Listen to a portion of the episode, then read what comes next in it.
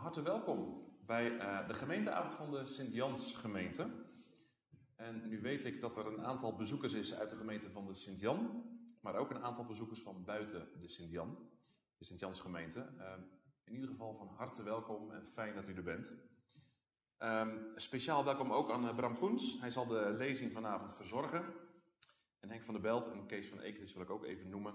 Ik zal zo wat meer woorden geven aan de introductie van Um, vanavond staat de gemeenteavond in het teken van een lezing. Een hele tijd geleden ontving ik van Marco Batenburg, dat is onze wijkpredikant, een appje. Goedenavond, welkom. Een appje met de vraag of ik aan deze gemeenteavond mee wilde werken. En ik heb toen even kort overlegd met Arie van Meij. Dat is ook een ouderling uh, vorming en toerusting van de andere wijk. En na enige tijd is deze avond um, ja, steeds concreter geworden met als uiteindelijke nou ja, datum dus van 30 november deze avond. Um, en aanvankelijk zouden we de lezing in het koor houden, zoals ik ook gecommuniceerd heb in de, in de verschillende berichten. Maar daar is het toch echt te koud. En hier is het misschien alweer iets te warm, maar beter dat dan in het koor en kou leiden, denk ik. Um, vanavond gaan we het hebben over ja, hoe komt het heil van God door Jezus Christus, hè, door de prediking in het leven van mensen vandaag. En wat mij betreft is dat een vraag waar we niet over uitgepraat of over uitgedacht raken. We gaan over deze vraag nadenken aan de hand van de adventspreek van dominee Graafland. En dat doen we onder leiding van Bram Koens. Hij is docent, onderzoeker en lector van Driestar Educatief. En Bram zal straks verder worden geïntroduceerd door uh, Henk van der Belt, directeur van het Cornelis Graafland Centrum. En na de lezing, en deze zal zo rond kwart over negen, half tien denk ik afgelopen zijn, zal Kees van Ekeris de avond met ons besluiten. En Kees van Ekeris is ook lid van de stuurgroep van het Cornelis Graafland Centrum. En mijn naam is Marijn van Molenbroek en ik ben ouderling vorming en toeristing van de Sint-Jans gemeente, wijk A. Nou, het lijkt mij goed om uh, de avond te openen met het lezen van een gedeelte uit de Bijbel en met gebed. En um, de laatste preek van dominee Graafland die hij geschreven heeft is, um, ging over Psalm 25. Een preek die is niet gehouden, maar um, wel opgenomen in de bundel Geest en Leven. En ik heb een fragment kunnen lezen, een aanrader. Nou, het leek mij gepast om deze psalm met elkaar ook te lezen als opening. Uh, psalm 25 is een gebed van David waarin hij zijn vertrouwen in God uitspreekt. Hij vraagt om leiding, hij vraagt om vergeving en bescherming tegen vijanden. En David benadrukt het belang van het volgen van Gods paden en Gods waarheden. Het thema van vertrouwen, en het zoeken van Gods genade en leiding staat centraal in deze psalm. En lees hem gerust mee, ik, zal hem voor jullie voorlezen. Psalm 25 uit de NBV 21, ik zal het voorlezen. Naar u, Heer, gaat mijn verlangen uit. Mijn God, op u vertrouw ik, maak mij niet te schande. Laat mijn vijanden niet triomferen. Zij die op u hopen worden niet beschaamd, beschaamd worden zij die u achterloos verraden. Maak mij, Heer, met uw wegen vertrouwd, leer mij uw paden te gaan. Wijs mij de weg van uw waarheid en onderricht mij, want u bent de God die mij redt. Op u blijf ik hopen elke dag weer. Denk aan uw barmhartigheid, Heer, aan uw liefde door de eeuwen heen. Denk niet aan zonde uit mijn jeugd, maar denk met, met, met liefde aan mij, Heer, omwille van uw goedheid. Goed en rechtvaardig is de Heer, hij wijst zondaars de weg, die nederig zijn, leidt hij in het rechte spoor, hij leert hun zijn paden te gaan. Liefde en trouw zijn de weg van de Heer voor wie de wetten van zijn verbond onderhouden.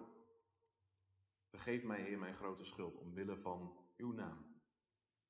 Aan wie in hem leven, leert de Heer de rechte weg te kiezen. Hun leven verloopt in voorspoed en hun kinderen zullen het land bezitten.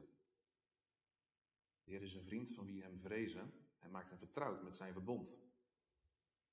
Ik houd mijn oog gericht op de Heer. Hij bevrijdt mijn voeten uit het net Keer u tot mij en wees mij genadig. Ik ben alleen en ellendig. Mijn hart is vol angst. Vrijd mij uit benauwenis. Zie mij in mijn nood, in mijn ellende. Vergeef mij al mijn zonden. Zie met hoeveel mijn vijanden zijn, hoe ze mij dodelijk haten. Behoed mij, bevrijd mij, maak mij niet te schande, want ik schuil bij u. Onschuld en oprechtheid mogen mij bewaren. Op u is mijn hoop gevestigd. God, Verlos Israël, verlos het van zijn angsten.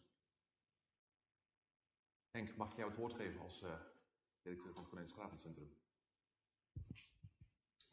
Hartelijk bedankt voor het uh, woord en ook voor de gelegenheid om op deze gemeenteavond iets te presenteren van het werk van het Cornelis Graafland Centrum. Um, bijna vijf jaar geleden is dat centrum gevestigd door de Gereformeerde Bond aan de Vrije Universiteit. Met het doel om te coördineren en te stimuleren wat er aan wetenschappelijk theologisch onderzoek in hervormd gereformeerde kring gebeurt. Intussen hebben we een focus gevonden op de prediking in het project Preken als Bron, waar collega Veerman leiding aan geeft en waar ook een promovendus aan verbonden is. En in de afgelopen jaren dachten we dat het ook goed zou zijn om wat breder bezig te zijn met predikanten rondom de prediking in samenwerking met Kees van Ekeris, lid van de stuurgroep en leider van IZB Areopagus.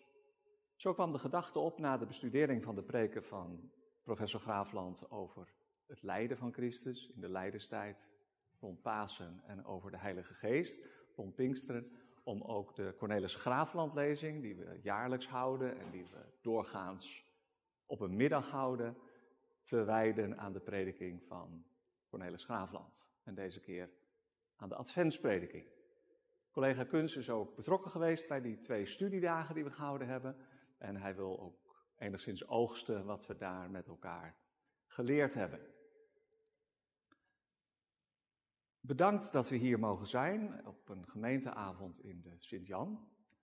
We hebben ook wel onszelf een klein beetje uitgenodigd om hier te mogen zijn, omdat we dachten dat dit echt de plek moest zijn waar we de prediking van Cornelis Schaafland zouden kunnen bespreken. En we zijn heel blij om te kunnen melden straks dat de zaal bomvol zat. En dan hoeven we natuurlijk niet te zeggen welke zaal het precies, uh, precies was. Um, aan mij de eer om collega Kunst te introduceren. Hij is uh, predikant in de Protestantse Kerk. Hij is lector voor de vorming van christelijke professionals aan Driestar Educatief.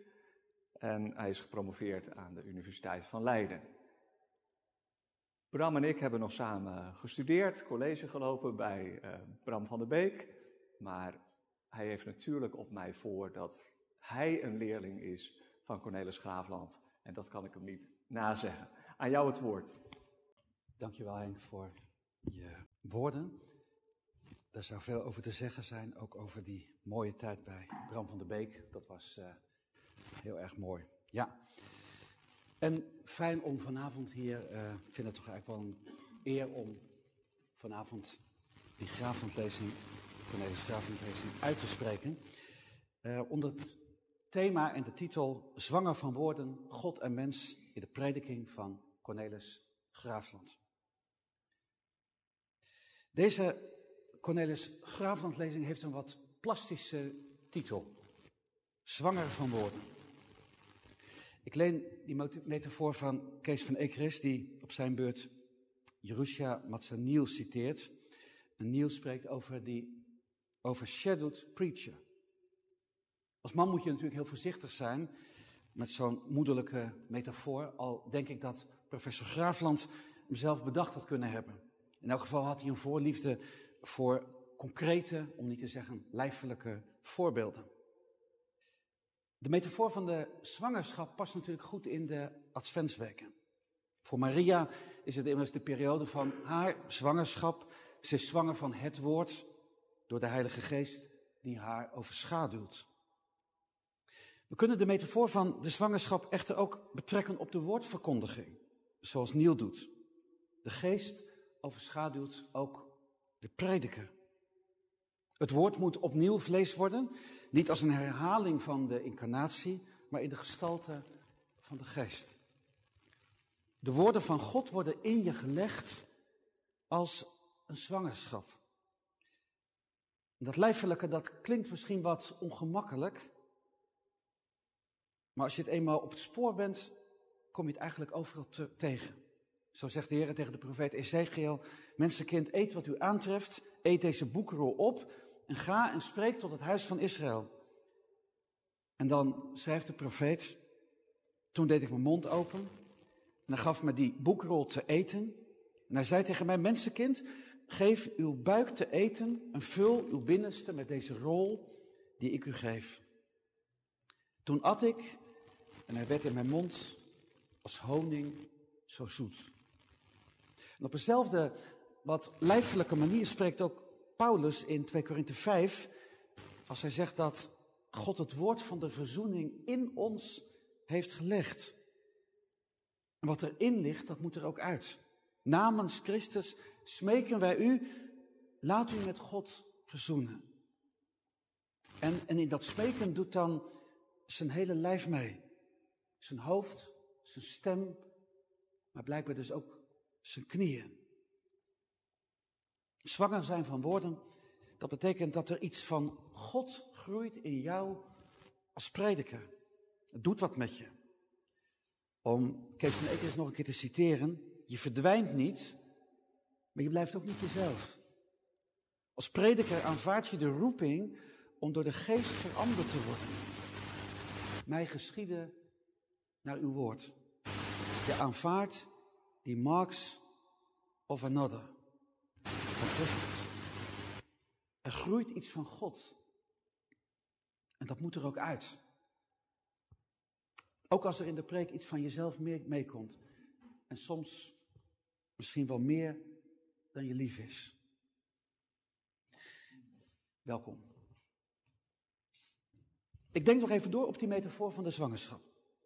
Want als het woord vlees wordt, dan betekent dit ook dat God gestalte krijgt. Het woord is vlees geworden en het heeft onder ons gewoond, zegt Johannes, en we hebben zijn heerlijkheid aanschouwd. De kerk heeft het docetisme altijd fel bestreden.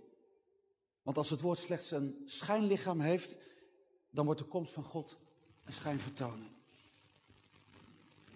Moeten we ook beducht zijn voor docetisme in de verkondiging?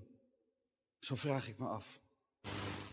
Het gaat om meer dan alleen de uitleg van woorden, om ideeën, om denkbeelden over God, om morele prescriptieven. Reeds in het Oude Testament beogen de woorden van God een concrete ontmoeting tussen God en mens.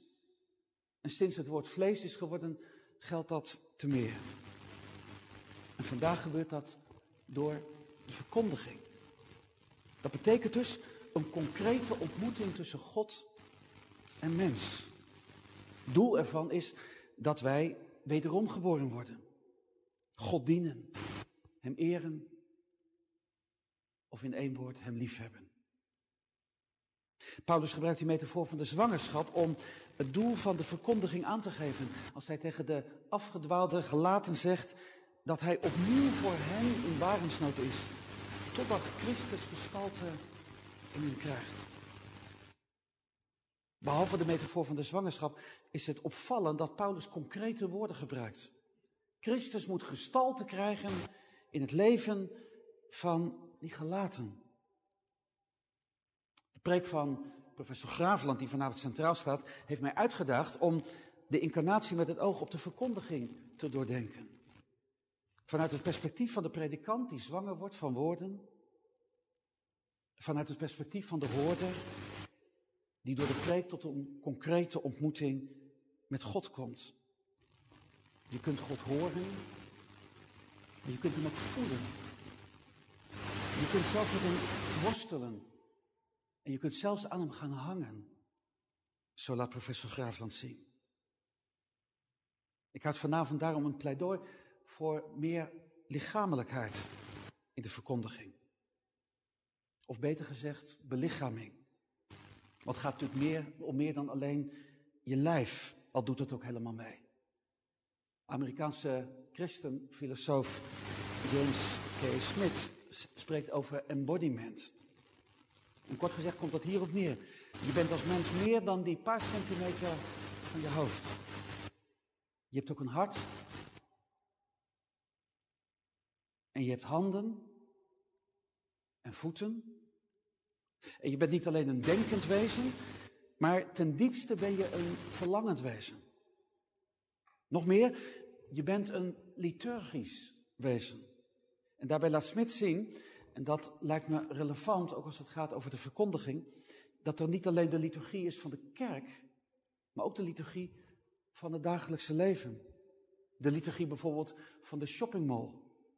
Met haar etalage die je aandacht trekt en die een appel doet op je hart en je verlangens wil voeden.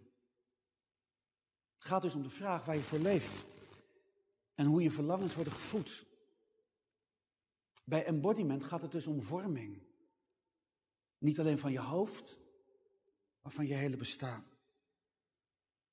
De vraag is natuurlijk wat dat betekent voor onze verkondiging. Want welke taal heb je als prediker voorhanden, zodat je niet alleen het hoofd van je hoorders raakt, maar hun bestaan? En ik dacht bij de voorbereiding, dat was, als ik dan toch iets van die rode draad van die drie bijeenkomsten moet, moet laten zien, dat was wel een heel belangrijk punt, voortdurend, van hoe komt het woord van God in dat concrete bestaan van mensen vandaag? En dan, dan is het dus geen copy-paste van toen en naar vandaag toe. Hoe komt dat woord van God bij ons? Hoe raakt het hun bestaan? Een kleine disclaimer erbij. Nou ja, klein. Juist heel groot. Dat ligt uiteindelijk buiten ons bereik. Het is immers het werk van de geest. Maar de vraag of je zijn instrument bent als overshadowed preacher, die blijft natuurlijk staan. En wat heeft dat zwanger van woorden zijn dan te maken met dat verlangen dat Christus gestalte krijgt in je hoorders. Vandaag, deze tijd. De belichaming raakt dus niet alleen, raakt niet alleen de kant van de prediker, maar ook van de hoorder. Wat gebeurt er met jou als je in een concrete ervaring komt met het woord van God, met God zelf. Is het tijd voor de herwaardering van het begrip wedergeboorte? Het is vanavond een klein lijntje, maar ik dacht, als we het dan toch hebben over zwanger van woorden en we kijken ook naar de hoorde, dan moet je het niet laten gaan. Een herwaardering van wedergeboorte als concrete vernieuwing door woord en geest. Als we het vanavond over dit soort vragen hebben, dan moet het dus geen theoretisch verhaal worden, heb ik gedacht. Want dan zitten we weer bij het hoofd. Hoe kun je die embodiment beter ervaren dan door samen ook te luisteren naar een preek? Deze avond is, zoals gezegd, de laatste van drie bijeenkomsten waarin een preek van professor Graafland centraal stond in het kader van preken als bron en ook in het kader van het werk wat Areopagus doet, ICB Areopagus. De andere preken waren dus rond Pasen, Pinksteren. Een aantal van ons hebben die bijeenkomsten ook meegemaakt. En met deze avond op de drempel van Advent is de cirkel als het ware rond. En die preek van Graafland, ik zeg dat vanavond wel even met nadruk erbij, is niet bedoeld als een schabloon, alsof het zo zou moeten vandaag. Ik zei net, het is geen kwestie van copy-paste als het over prediking gaat. Dat merkten we trouwens ook wel tijdens de bijeenkomsten. Want bij alle congenialiteit die er tijdens de prekensessies was, was er ook kritiek en vervreemding. Over exegetische keuzes. Over de manier waarop Graafland de gemeente aanspreekt. Pastoraal, maar soms ook wel behoorlijk invullend. Over zijn elitaire preektrans. Er was echter ook herkenning. Misschien juist wel op het punt waar Graafland als dienaar van het woord het dichtst bij mensen kwam. En over dat laatste wil ik het vanavond hebben. Dingen kunnen anders. Exegetisch kun je andere keuzes maken, ook vanavond. Maar de vraag wat je mist in de preek is doorgaans niet de meest vruchtbare. Wat heb je gehoord? En wat is er met je gebeurd? Is het heilige gebeurd? Om met Gerrit Imming te spreken. Ik neem mijn uitgangspunt vanavond bij een preek van professor Graafland over Genesis 32, vers 26. Hij hield deze preek op zondag 18 december 1994 in de Elimkerk in Hendrik Ambacht. Als een adventspreek. Laatste Adventszondag. Ik geef vanavond allereerst een impressie, waarbij we ook gaan luisteren naar een aantal fragmenten van de preek. En daarna stellen we de vraag, hoe komt het woord van God hier ter wereld? En op welke manier geschiet het heil, komt het heil van God tot, tot mensen? En wat kunnen we ervan leren? Bijvoorbeeld als het gaat over dat lichamelijke in de verkondiging. En tenslotte nemen we deze observaties mee voor de reflectie voor onze eigen context. Allereerst een impressie. Ik sta hier wat langer bij stil vanavond. Um, dat is natuurlijk omdat we ons allereerst moeten oefenen in luisteren. En, en probeer vanavond ook, als we de fragmenten luisteren, probeer ook met je hart te luisteren, zou ik zeggen. Dit gedeelte vraagt ook wat meer aandacht, omdat de meeste mensen vanavond de preek niet zullen kennen. We zullen wel zorgen, Henk, dat die ook op de website komt, denk ik. Uh, dat is denk ik wel belangrijk. Uh, een beetje onerbiedig gezegd, ik praat u vanavond ook wat door de preek heen. Maar we luisteren vooral naar een aantal fragmenten, waar we dus ook de stem van professor Graafland horen. Want een preek is meer dan de geschreven weerslag ervan. De performance, die doet ook mee. En misschien bij Graafland wel heel in het bijzonder. De preek gaat over de worsteling van Jacob bij Pniel. In de nacht voor de ontmoeting met Esau. Jacob worstelt met een man. In de preek wordt deze man geïdentificeerd als de zoon van God. En Graafland benadrukt de overmacht van Jacob.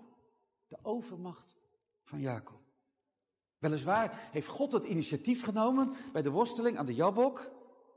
Maar, maar God kan er, zo zegt Graafland, niet zomaar mee stoppen.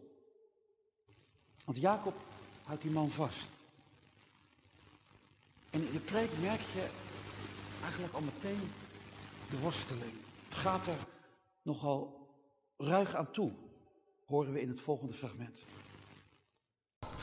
Want nu in die worsteling van man met man, van lichaam met lichaam, komt God onder te liggen.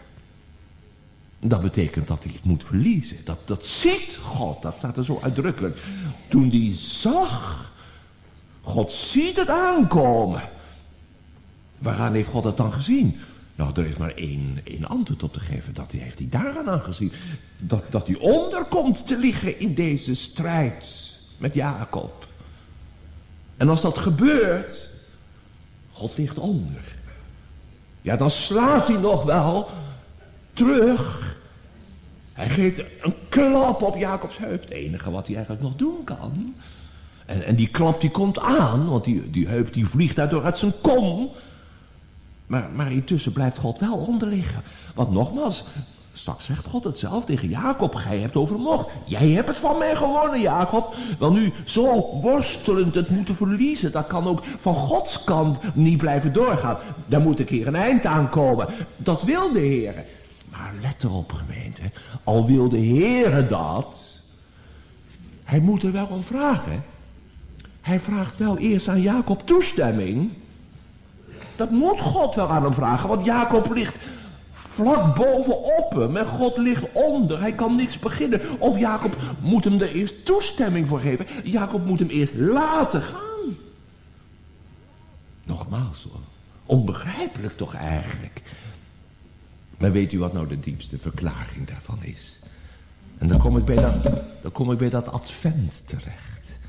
Dat is dat God hier zich zo vernedert tot een zwakke, machteloze God. Dat hij zich gewonnen geeft aan Jacob. Zo is nou de God van Jacob gemeente, of laat ik het zo zeggen. Dat is nou die God die in Christus tot ons is gekomen. En die ons lichaam, ons vlees heeft aangenomen. En die met en in dat lichaam onder ons is komen te liggen. In dit citaat merken we dat het lichamelijke sterk doorklinkt. Ik kom daar zo meteen nog op terug. Maar wat ik er ook in hoor, Graafland is niet bang om, om de godsleer even flink scheef te trekken. Want een God die zich vernedert tot een zwakke, machteloze God die zich aan Jacob gewonnen geeft, dat past niet in een orthodox referentiekader. Maar vanuit de exegese wordt hier de preek wel op spanning gezet. Overigens laat Graafland verderop in zijn preek zien dat dit niet in mindering komt op zijn verhevenheid, horen we. Maar dan is er ook die andere ervaring. In die nabijheid blijft God toch God. De verhevene, de heilige, de transcendente. Die God die mijn bestaan ook overstijgt. En daarom in al die nabijheid en die gemeenschap ervaren we tegelijkertijd ook de afstand. Dat is de afstand van de grootheid van God. En als ik in die gemeenschap met God tegelijkertijd die afstand van God, dat God zij van God ervaart, dan blijft de verwondering over. En alleen maar de diepe verootmoediging. En tegelijkertijd de stille aanbidding. En moet ik zeggen, God, wat bent u groot. En wat ben ik klein. En dat u nou toch mijn God bent, kan ik niet begrijpen. Nabijheid en verhevenheid, zwakte en kracht maakt de ontmoeting tussen God en Jacob spannend. En als hoorder word je erin meegenomen. En voor Graafland maakt dit de tekst zelfs tot een adventstekst. Je zou zeggen tot een prefiguratie van de incarnatie van de Zoon van God. Kom bij een ander aspect van de preek. Graafland besteedt nogal wat aandacht aan het tijdstip waarop de worsteling plaatsvindt. Het gebeurt in de nacht. Die nacht, ik citeer hem, ik ben geneigd te zeggen, die kiest God nou toch bij uitstek daarvoor uit. Waarom denkt u? Hij heeft in ieder geval op kerstfeest gedaan. Want dan gebeurt het ook. Ik zei het zojuist al. Het is niet voor niks dat we kerstnachtdiensten gehouden hebben. En daar heb ik eigenlijk aan moeten denken. Ik heb eigenlijk, zo zegt Graafland, altijd een beetje een hekel gehad aan kerstnachtdiensten. Waarom moet dat? Altijd maar dat, nou ja. Maar het is eigenlijk wel zinvol, zegt hij dan. Want de Heer Jezus is in de nacht niet zomaar per ongeluk, ik zou bijna zeggen zoals uw kindje geboren, in de nacht. Nee, dat is heel bewust van Gods kant in de nacht gebeurd. Want God en de nacht, dat hoort bij elkaar. Einde citaat. De nacht, dat is, zo zegt Graafland, de tijd dat je alleen bent. Zo wil God ons in de nacht alleen voor zichzelf hebben. Maar dan meteen daarna kiest hij toch ook voor een andere benadering van de nacht. Dat is het volgende citaat. Dat kan dan wel tegelijkertijd natuurlijk betekenen dat we dan ook helemaal op God aangewezen zijn. En ook helemaal op onszelf aangewezen zijn. En dat, er dan ook, dat dan ook onze kleinheid, onze machteloosheid, misschien wel onze mislukkingen. Juist dan zo geweldig naar voren komen. Dat we dan ook met de werkelijkheid van ons leven in aanraking komen. Inderdaad, daarom kiest God die nacht uit, gemeente. Om ons in onze zwakheid te treffen. Want s'nachts, dan kunnen we niet veel beginnen. En als het dan dag wordt, zo zegt Graafland, ja, dan heeft die worsteling ook geen zin meer. Laten we er nu maar mee ophouden, zegt hij dan. Zo moet God wel gedacht hebben. Dat vond ik ook een wonderlijk zinnetje trouwens. Zo moet God wel gedacht hebben. Een andere reden is dan de transcendentie van God. En daarom laat, zo zegt Graafland, daarom kan het ook op klaarlichte dag niet gebeuren. Want deze worsteling zomaar open en bloot, dan zouden wij hem met onze blote ogen zien. Maar wie kan God zien en leven? Graafland zegt, ik heb het u voorgelezen uit Johannes 1, niemand heeft ooit God gezien. Nee, dat wil God ook niet. Einde citaat. En als Jacob straks zegt dat hij God gezien heeft van aangezicht tot aangezicht, ja, zegt Graaf, dat kan dan maar één ding betekenen, namelijk met de ogen van het geloof. En daarmee staat de zaak van de ontmoeting tussen God en mens opnieuw op spanning. We horen het ook in het volgende citaat. Eigenlijk is dat de spanning die door dit hele pniel gebeuren als het ware heen trilt. Dat God aan de ene kant de nabij is, zo nabij. dat hij als een gewone lichamelijke man met Jacob worstelt. En aan de andere kant is God tegelijk de onbenaderbare, de heilige. De God die we niet alleen niet zien kunnen, maar ook die God voor wie we niet bestaan. Hiermee zijn we het kerugma van de preek al, al op het spoor. De ontmoeting tussen de heilige en de onheilige. Waarbij God die de sterkste is, zich de zwakste betoont. En zoals God dit in Pniel deed, zo zegt Graafland, zo doet hij dat ook in de geboorte van Jezus Christus. En uiteindelijk zet God de dingen natuurlijk wel door. Uiteindelijk raakt God de heup van Jacob aan en heeft Jacob geen been meer om op te staan. Ik geef een wat langer citaat, omdat Graafland hier ook uitdrukkelijk de verbinding maakt tussen toen en nu. Tussen Jacob en zijn hoorders, zijn eigen hoorders. En ook tussen God en ons als hoorders. Het was een citaat, ik heb het een heel aantal keren gehoord en je, je, je voelde er ook een bepaalde emotie in. In ieder geval ook voor mezelf. Nou gemeente, ik zal het weer proberen zo concreet mogelijk u voor te stellen. Die man die God dus is, die lag onder. Want Jacob was aan de winnende hand. Maar dan die, die klap op die heup. Die, ik zei het al, die, die ontzettend hard aankomt. Jacob wordt pijnlijk getroffen, ineens. En, en, en, dan gaat het niet meer. Nu kan Jacob God niet meer langer op de grond houden, onder zich. En God worstelt zich ook onder Jacob uit. En hij gaat staan en de rollen worden omgedraaid. Zodat Jacob het nou gaat verliezen. Maar zover wil God het niet laten komen. Want dan zegt hij, op dat moment, laten we er nou mee ophouden. Jacob. Want nou is het mooi genoeg geweest. En wat doet Jacob dan? Hij kan op zijn benen niet meer staan. Dat is uitgesloten toch, hè? Als je heup uit de kom is.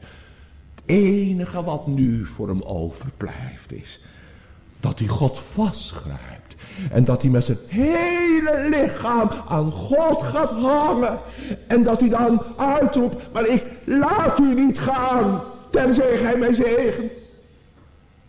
Kunt u het zich voorstellen, gemeente, hoe dat gegaan is?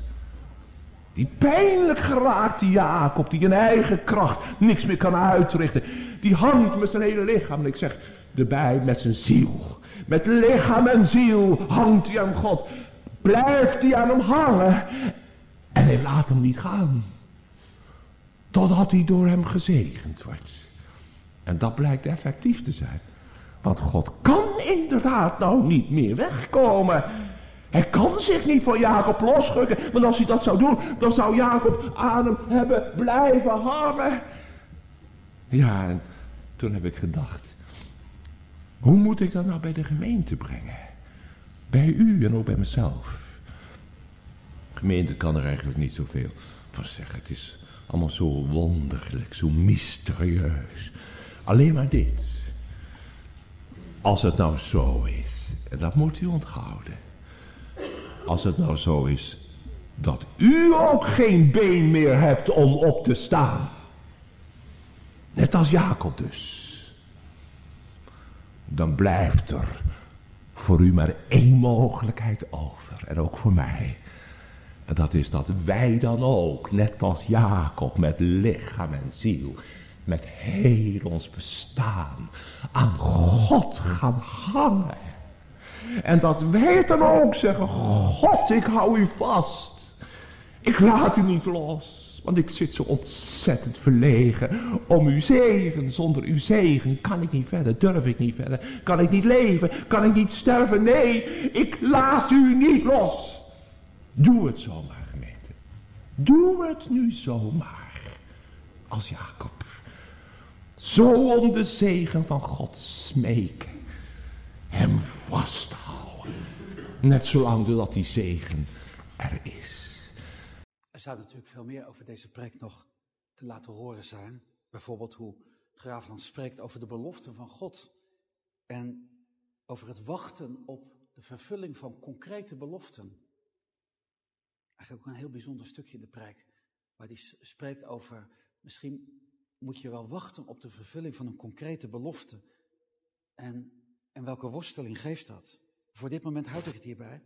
En ik pak het thema van mijn verhaal weer op, zwanger van woorden. Want allereerst kijken we vanuit het perspectief van de prediker.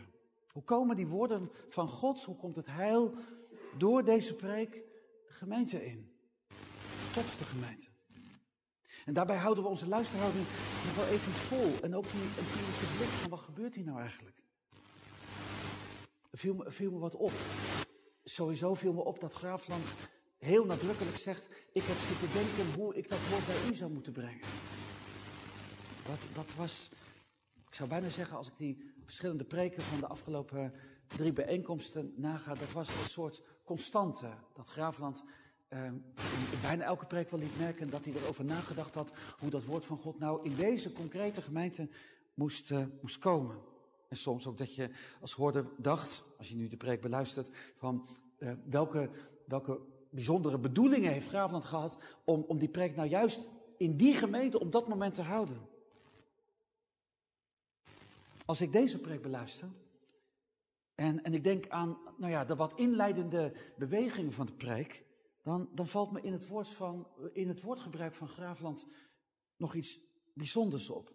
Want hij zegt aan in de preek tot tweemaal toe dat hij iets heeft ontdekt. Hij begint zijn preek aan mij. Luister naar het fragment. Gemeente, u zult het zo op het eerste gezicht er niet van afzien. Maar ik heb ontdekt dat de geschiedenis van Jacob de Pniel een echte adventsgeschiedenis is. Verderop in de preek, en dan zijn we inmiddels een kwartier verder wel. Verderop zegt hij, weer met het woord ontdekken, het volgende.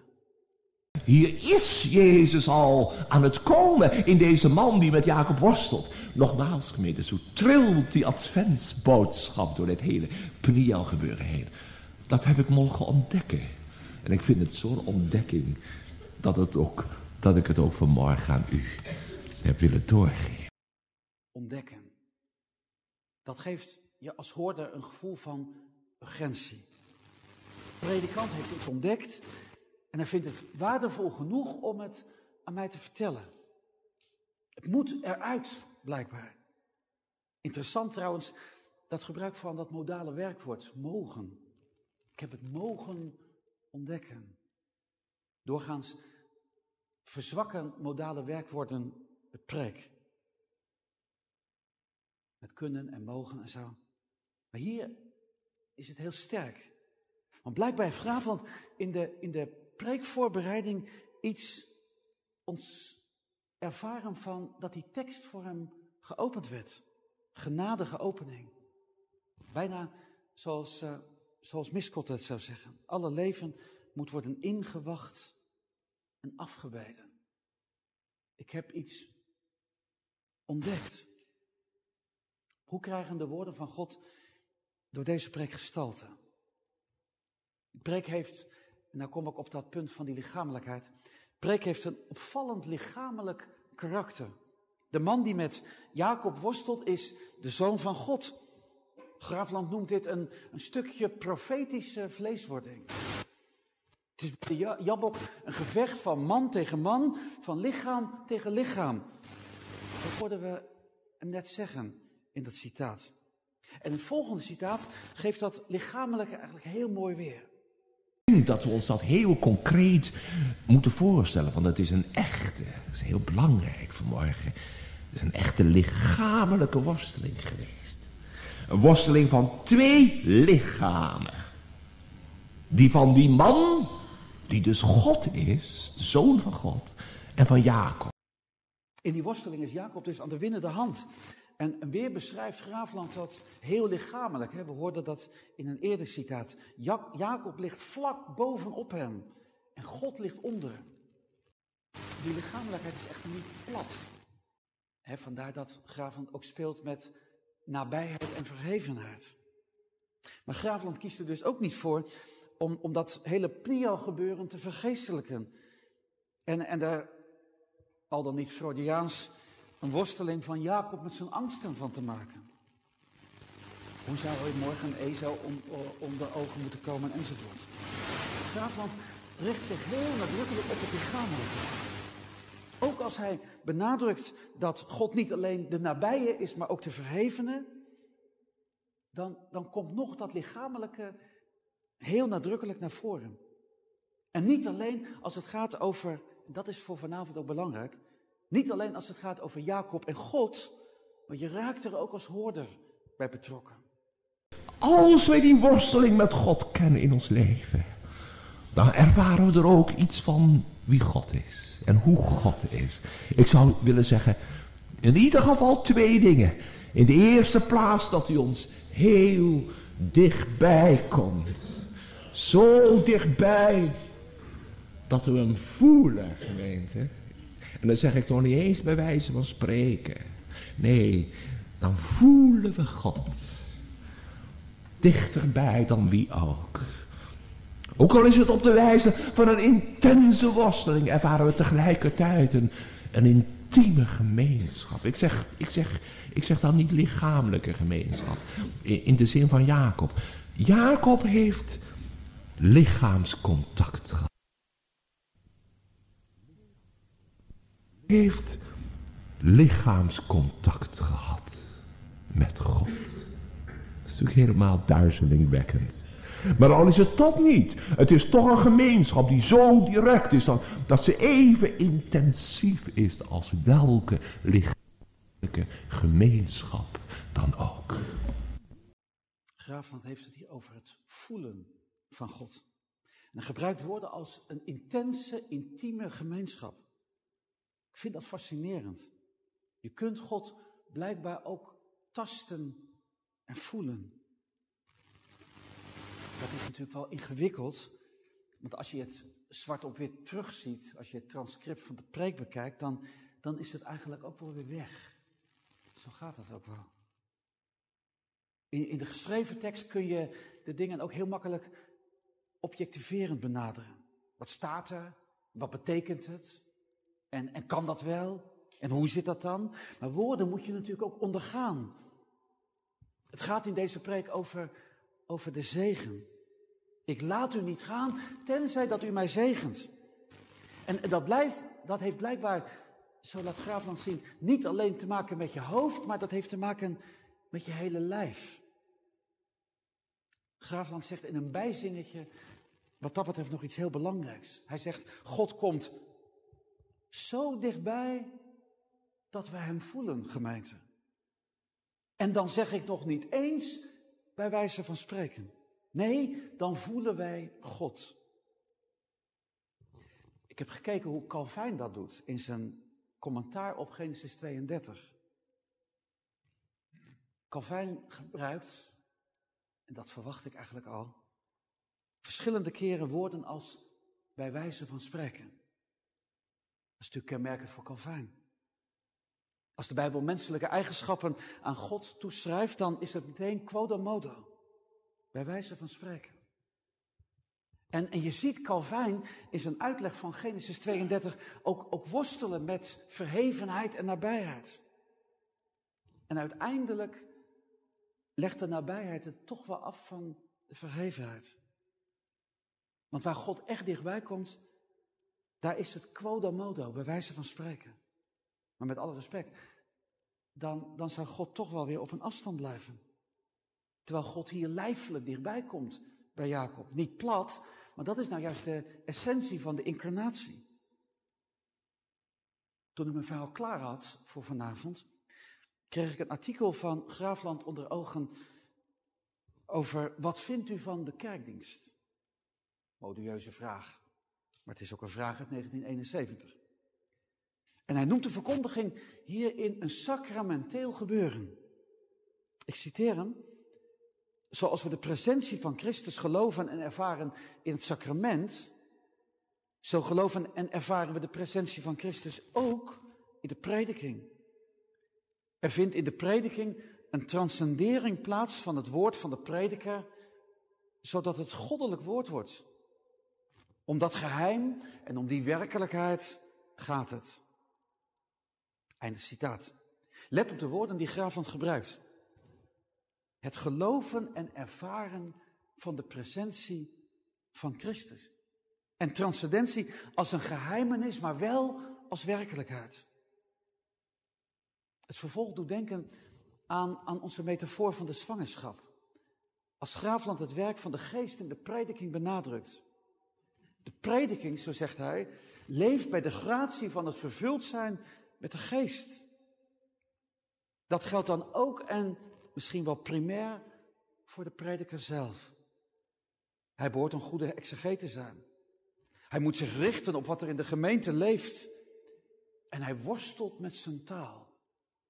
Dat zei Graafland dus al in 1971. En je hoort er de dominee uit Amsterdam in. Die, zoals hij zelf heeft laten merken laten, juist in die tijd ook de zuigkracht van, van de cultuur des te meer ging ervaren. Hij zegt nog meer. Maar dit alles is instrument, namelijk die preek, dat gaat functioneren als het gehanteerd wordt door de geest die de prediker in bezit heeft genomen. Einde citaat. Ik heb het alsnog ingevoegd. Juist ook dat, door dat in bezit hebben genomen. En ik heb het ook ingevoegd om te benadrukken dat als wij het hebben over zwanger van woorden zijn, dat dat een pneumatologische categorie is. Doet niets af van de ambachtelijkheid van de preek, maar het gaat nooit buiten het inwachten van de geest om. In de woorden van Maria, laat met mij geschieden naar uw woord. Fiat me. Ik ga even wat op afstand staan. En ik vraag me af, wat gebeurt er tijdens onze kerkdiensten? Valt er wat te beleven? Gaat het over het heil of gebeurt het heil? Gaat het over verzoening of gebeurt verzoening? Gaat het over het christelijke leven? Of word je meegenomen als een discipel van Jezus? Valt er wat te beleven in het geheel van de liturgie? En, en dan ook in de preek als essentieel onderdeel van de liturgie.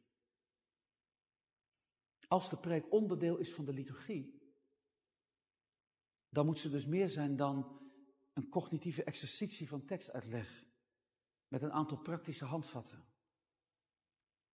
Ik noemde aan het begin van mijn lezing James Smith met zijn pleidooi voor embodiment, belichaming. En hij zegt over de liturgie, liturgie van zijn eigen kerken, de CRC, Amerika. Ik denk dat we dat ook wel wat door kunnen trekken naar, naar ons vandaag, hier. Hij zegt over de liturgie, hebben wij van de eredienst vooral een didactisch, cognitief gebeuren gemaakt. Gaat, in, gaat het in onze eredienst vooral om een boodschap, een message, die uiteindelijk ons bestaan, ik heb zitten kijken van hoe ik dat embodied hearts vertaal, ons bestaan niet raakt en, en daarom ons verlangen niet aanraakt, zo vraagt Smit. Ik, ik scherp het nog wat aan. Gaat het in de preek vooral om informatie of gaat het om formatie? Om vorming? Worden er vooral hoofden gevuld of ook verlangens gewekt, gevoed? Ik geef meteen toe, tussen hoofd en hart moet je geen tegenstelling maken. Maar het evangelie wil niet alleen tussen je oren komen te zitten, maar ook in je hart komen en zichtbaar worden in je handen. Want anders komen we in een heel gevaarlijk dualisme terecht. Waarbij hoofd en hart uit elkaar gaan lopen en waarbij onze verlangens zo alle kanten opschieten. Want dat heeft de marketing natuurlijk wel begrepen. Mensen zijn niet alleen denkende wezens, maar primair voelende en verlangende wezens. Dat is de essentie van reclame. En een pleidooi voor meer lichamelijkheid in de prediking, dat is niet een pleidooi voor meer reclameslogans en zo. Maar het is wel een pleidooi voor bevindelijke prediking. Er valt namelijk van alles te beleven in de ontmoeting met God. Hij is geen God op een afstand. Hij is wel de verhevene. Maar niet een God op een afstand. Want hij neemt ons menselijke vlees aan. Betekent dat de prediking niet vlak en plat mag worden. Het geheimenis zit erin. Maar het moet ook niet zo hoog boven de gemeente hangen dat niemand erbij kan. In de verkondiging komt God zelf door de stem van de prediker naar je toe. Als die prediker het woord van God vertolkt, dan raak je als hoorder erop betrokken. Met ziel, maar ook met je lichaam. Dan kun je de aanwezigheid van God zelfs voelen. Je kunt met hem worstelen. Je kunt aan hem gaan hangen, verlangend naar zijn zegen. Graafland gebruikt lichamelijke taal. En het viel me op dat James Smith ook zulke taal gebruikt. In het kader van de preek zegt hij dat je als hoorder meegenomen wordt in het verhaal van God, in de story of God. En, en dan zegt hij, je moet het indrinken, imbibe. En doorslikken, ingesting. Indrinken en doorslikken. Dat is natuurlijk wel een kwetsbaar verhaal, hè? Want je kunt die ontmoeting als prediker niet bewerkstelligen. Alle leven moeten we immers worden ingewacht en afgebeden, hoorden we Miskotten zeggen. Zwanger worden is een geheimenis. Zwanger worden van de woorden van God is ook een mysterie. En de woorden van God ontvangen en ze indrinken en ze doorslikken, dat is dat ook. Is het wonder van de Heilige Geest. Als prediker kan het misschien nogal verheven klinken. Dat zwanger zijn van woorden. Want je hebt ook te maken met je eigen dorheid. Met je struggles. Met je aanvechting. Met je vertwijfeling. En de ene keer zie je naar de zondag uit. Andere keer zie je er tegenop. En de ene keer komt er zo een preek. En de andere keer ligt er een leeg blad. Ik zal nooit vergeten, dominee van Brummelen. Hij zocht me op in de eerste gemeente. Dat dominee van Brummelen tegen me zei, het, het meest erge is als er geen gedachten komen. En het blijft maar zo'n leeg vel papier. Dat is ook de werkelijkheid. En hoe je preek wordt ontvangen, ja, dat ligt ook buiten je bereik. Ook als je verbinding zoekt met hoorders, ja. Ook als je gepassioneerd bent, als je je geroepen weet om het woord van God door te geven, de woorden die je ontving. Zo is het ook aan de kant van de hoorde.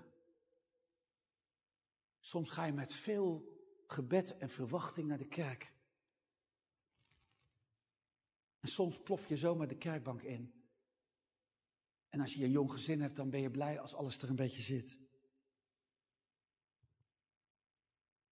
En, en de druk van je dagelijkse bestaan kan zomaar over je heen komen. En God kan ook ver weg raken. Maar juist dan, juist dan moeten we vasthouden dat de woordverkondiging geen menselijke uitvinding is, maar roeping van Gods wegen. God zoekt de ontmoeting, zodat wij erdoor veranderd worden. Ons verstand, maar ook onze wil en ons gevoel. Preek dat is een gebeuren. James Smith zou zeggen, het is een vormende praktijk. Ze is erop gericht dat je een ander mens wordt. Omdat het verlangen naar God wordt gewekt en gevoed. Vanuit de preek van Graafland zeg ik erbij, zodat je je leven toevertrouwt aan Jezus Christus. Aan zijn genade en zijn zegen. Ik laat u niet meer gaan. Tenzij dat u mij zegent. Die vormende praktijk die moet je ontdekken als prediker en als hoorder. En dat is ook pedagogisch van belang, dat je kinderen en jongeren daar, daarmee bekend maakt. En we moeten het ook herontdekken, zeg ik vanavond. Misschien juist wel te midden van al die liturgische vragen waar, waar we in onze gemeentes op het ogenblik zo druk mee zijn. Wie, wie de vraag naar liturgie versmalt tot de vraag of er ruimte is tot het zingen van gezangen, die laat het echte punt liggen. Is de liturgie in wat we zeggen en in wat we zingen een middel voor de ontmoeting met God in woord en in antwoord? En geloven we wat de kerkdienst is, niet wat wij ervan maken, maar wat de kerkdienst in essentie is. Plek waar de geest werkt. Plek waar het bloed van Christus op je druppelt. Een plek van aanbidding. Plek waar je met hoofd en hart en handen betrokken raakt op God. Ten slotte nog dit. En daarin komt het wat mij betreft allemaal terug. Het lichamelijke, het vormende, het weerbarstige in de verkondiging. En ook het wonder dat het woord vlees wordt. Paulus die schrijft aan de christenen in Galatië dat hij opnieuw in barensnood is voor hen totdat Christus gestalte in hen krijgt. Die gelaten, die, die zijn terug bij af. Ze hebben zich afgekeerd van het bevrijdende evangelie. Paulus houdt niet op. Al is hij boos, de stukken vliegen eraf in de brief. En misschien ook wel heel erg teleurgesteld. Kan ik me zo maar voorstellen. Dat je als prediker ook gewoon een keer helemaal teleurgesteld bent. Dat je denkt van ja, waar doe ik het eigenlijk voor? En, en, en hoe komt het nou dat ze niet luisteren? Nou, nou zegt Paulus, hij verzuurt niet, maar, maar hij schrijft een brief. Ook een brief waar de stukken van afvliegen, maar tegelijk zegt hij, ik blijf voor jullie in barensnood. Een zwangerschap is niet altijd een pretje. Ook niet als je zwanger bent van de woorden van God. Maar wie zich instrument weet van de geest, die kan de pijn verdragen. Omdat er een doel is. Het woord is vlees geworden. En in Christus trekt God zich dat verloren bestaan van ons zo aan dat hij ervoor sterft aan het kruis. En in het krachtenveld van de geest ontmoet het woord mensen. De verkondiging van het evangelie. Concrete mensen. Niet alleen hoofden, maar ook lichamen. Met hun dagelijkse bestaan. Met hun sores. En met hun schuld. Met hun voelen en verlangen om ze door wedergeboorte te herscheppen. O zoon, maak ons uw beeldgeluid.